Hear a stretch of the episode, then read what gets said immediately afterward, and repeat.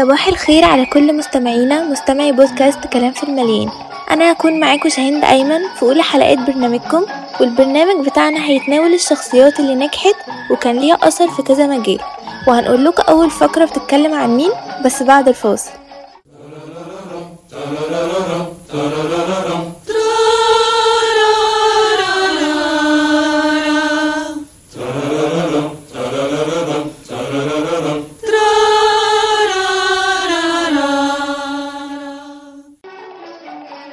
رجعنا لكم مستمعينا أنتوا لسه بتسمعوا بودكاست كلام في المليان هنتكلم النهاردة عن الفنان الكبير محمد فوزي. محمد فوزي الحقيقة كان بيعمل حاجات كتير. كان بيغني وبيلحن وبيمثل وكمان بينتج. اتولد في محافظة الغربية في مصر. من عيلة كبيرة. هو كان الابن الواحد وعشرين من أصل خمسة وعشرين ولد وبنت. ومنهم المطربتين هند علام وهدى سلطان. اتخرج من معهد الموسيقى العربية في القاهرة. عمل بطولة أكتر من 30 فيلم منهم الآنسة ماما وحب وجنون وقبلة في لبنان وأنتج 11 فيلم ومعظمهم من بطولته. زي من أين لك هذا؟ وكل دقة في قلبي. بدأ محمد فوزي مسيرته في عالم الغنى عن طريق إنه كان بيغني في الأفراح ولأصحاب والده. ولما اتأكد من حبه للغنى اتنقل للقاهرة عشان يدرس في معهد فؤاد الأول للموسيقى. بس ما كملش دراسة فيه واشتغل في العمل الفني الحرفي للصالات واللي من خلالها اتعرف على كبار المطربين في العصر ده زي فريد الأطرش ومحمد عبد المطلب. وعمل حوالي 400 أغنية ومن أشهر أغانيه كلمني وطمني وتعب الهوى قلبي وليه عشم ودلوقتي هنطلع فاصل نسمع جزء من أغنية كلمني وطمني ونرجع لكم مرة تانية. كلمني طمني وارحمني يوم يا حبيبي. طال بعدك طال هجرك فين عهدك فين يا حبيبي؟ ده القلب اللي انت كاوي نار نار يا حبيبي. رجعنا لكم مستمعينا وانتوا لسه بتسمعوا بودكاست كلام في المليان كمل كلامنا عن محمد فوزي. محمد فوزي لحن لكبار المطربين والمطربات زي أعز من عيني لليلى مراد ومن الحاجات اللي مش معروفة عنه إنه لحن السلام الوطني الجزائري.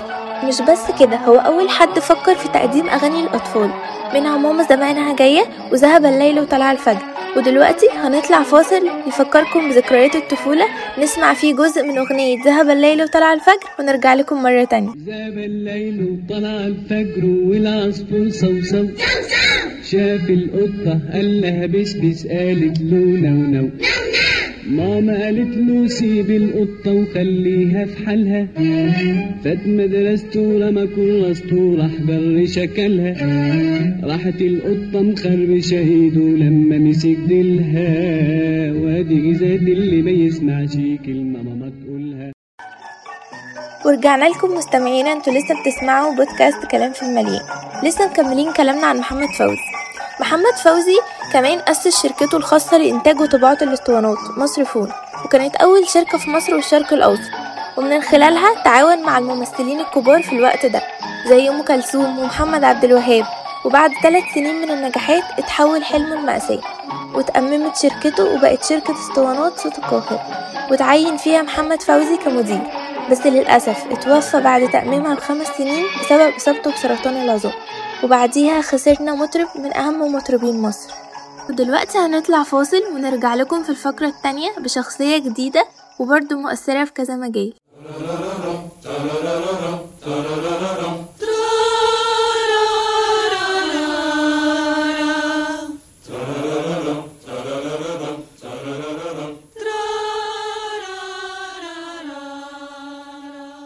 ورجعنا لكم تاني في كلام في المليان ومعاكم سماح سعد. وطبعا كلنا عارفين مسلسل إيه أنا اللي كان متصدر السنة اللي فاتت. خاصة الحكاية التاسعة تقولها دهب. ومعانا ضيف مميز جدا وهو مؤلف تقولها دهب. والمفاجأة هنا إن ضيفنا مش بس مؤلف روائي كبير كتب العديد من الروايات اللي حصدت جوائز عدة. لا هو كمان طبيب مصري خرج من كلية الطب جامعة القاهرة وعمل ماجستير ودكتوراه. لا وكمان كان من ضمن البعثة الطبية في أولمبياد لندن ورئيس البعثة الطبية في ريو وطوكيو. دكتور حسن كمال أهلا بحضرتك معانا. آه، أهلا وسهلا واهلا بيكم منورنا يعني. بداية حابين نعرف من حضرتك إزاي ترأسك للبعثة الطبية في أولمبياد طوكيو كان الملهم ليك في كتابة حكاية تقلها دهب؟ آه بصي هو أنا مش عارف ترأسي للبعثة الطبية هو كان ملهم ليا ولا أنا يعني أنا بمارس رياضة من زمان و وعمري ما تخليت عن الرياضة وكنت بلعب في المنتخب وبعدين لما دخلت كلية الطب انشغلت شوية عن ال عن الرياضة. بس فضل الشغف ده موجود فقررت إن أنا أتخصص في الطب الرياضي من وأنا في الكلية. وفي الوقت ده ما كانش تخصص معروف يعني يمكن دلوقتي كلمة دارجة شوية بس مش مشهورة قوي. فكنت شايف إن الرياضة مجال أحب إن أنا أشتغل فيه. آه بعد ما اشتغلت في الرياضة كدكتور للطب الرياضي وإصابات الملاعب بدأت أشوف حالات مختلفة رياضيين آه قصص بقى ناس بتبطل رياضة ناس حياتها بتتوقف بتوقف في لحظة ناس آه، بتصاب ناس بيفوت عليها إيفنتات كبيرة جدا ناس ما كانتش مصنفة وبتكسب. حاجات كتيرة بقى الرياضة ملهمة جدا يعني. فالحقيقة إن أنا لقيت نفسي بكتب آه، بشكل آه، متكرر مستلهمة من الرياضة. نسأل حضرتك هل دخولك لمجال الطب كان بسبب كون كلية الطب كلية القمة ولا كان حلم من البداية؟ بصي هو السؤال ده سؤال يعني معقد. أنا كان نفسي في كليتين.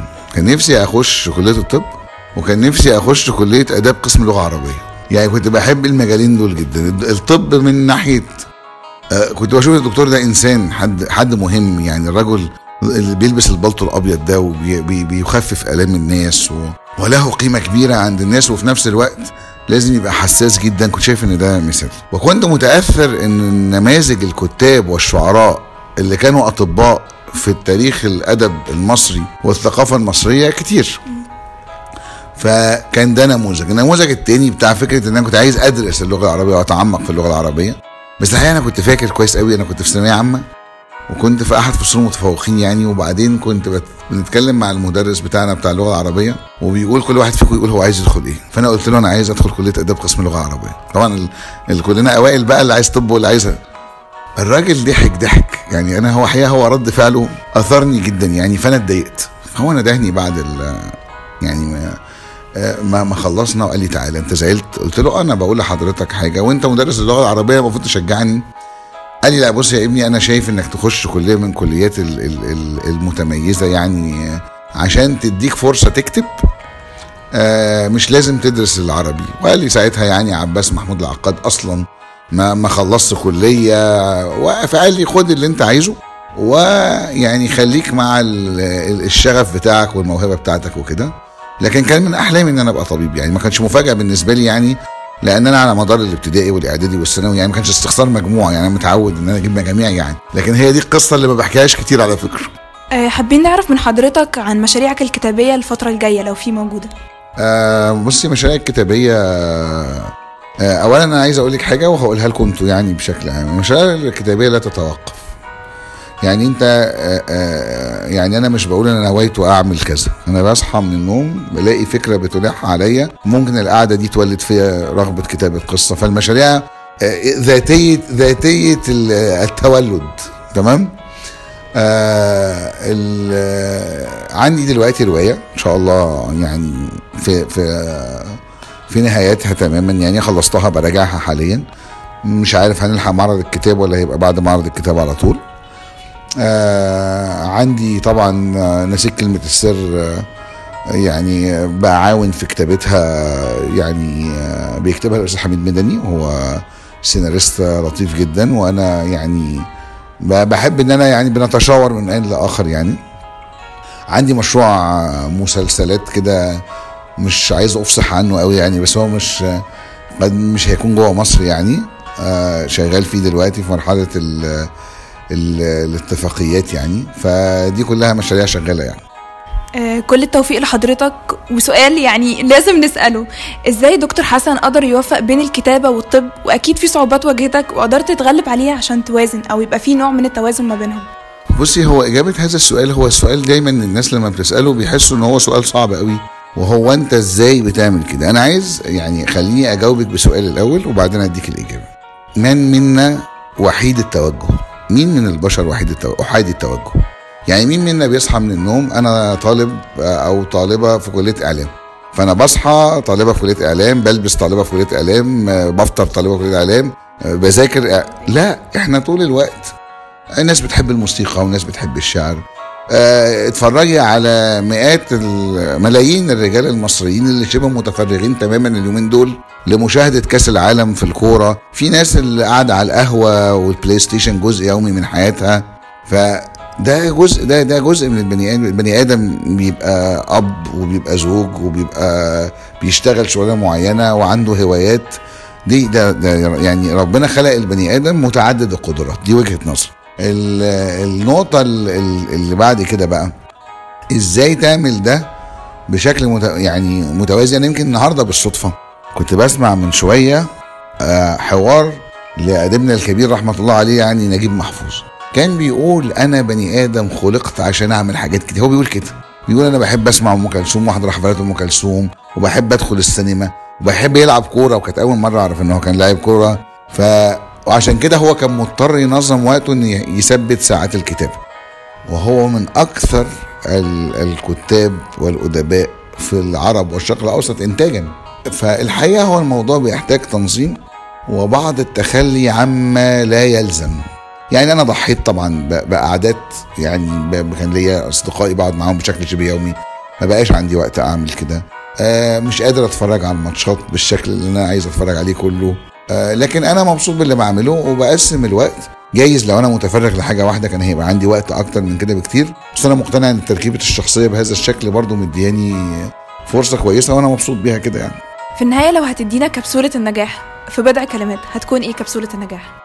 بصي هو في بدأ الكلمات دي في كلمات كتير بقى. أول حاجة أول حاجة ما تستصعبش أي حاجة. يعني طول الوقت خلي عندك جواك مهما بدا الأمر بعيد قوي. آه لا قول أنا هقدر أعمله. جرب. يعني أنا النصيحة اللي أقولها لكل الناس اللي في جيلك أي سكة عايز تمشيها أي مشوار عايز تعمله أي حاجة جرب و... وسيب النتيجة تظهر بالنجاح أو بعدم النجاح. لو نجحت يبقى أنت خلاص حققت اللي كان نفسك فيه. إذا لم تنجح حاجة من الاثنين يا هيتفتح لك طريق جديد.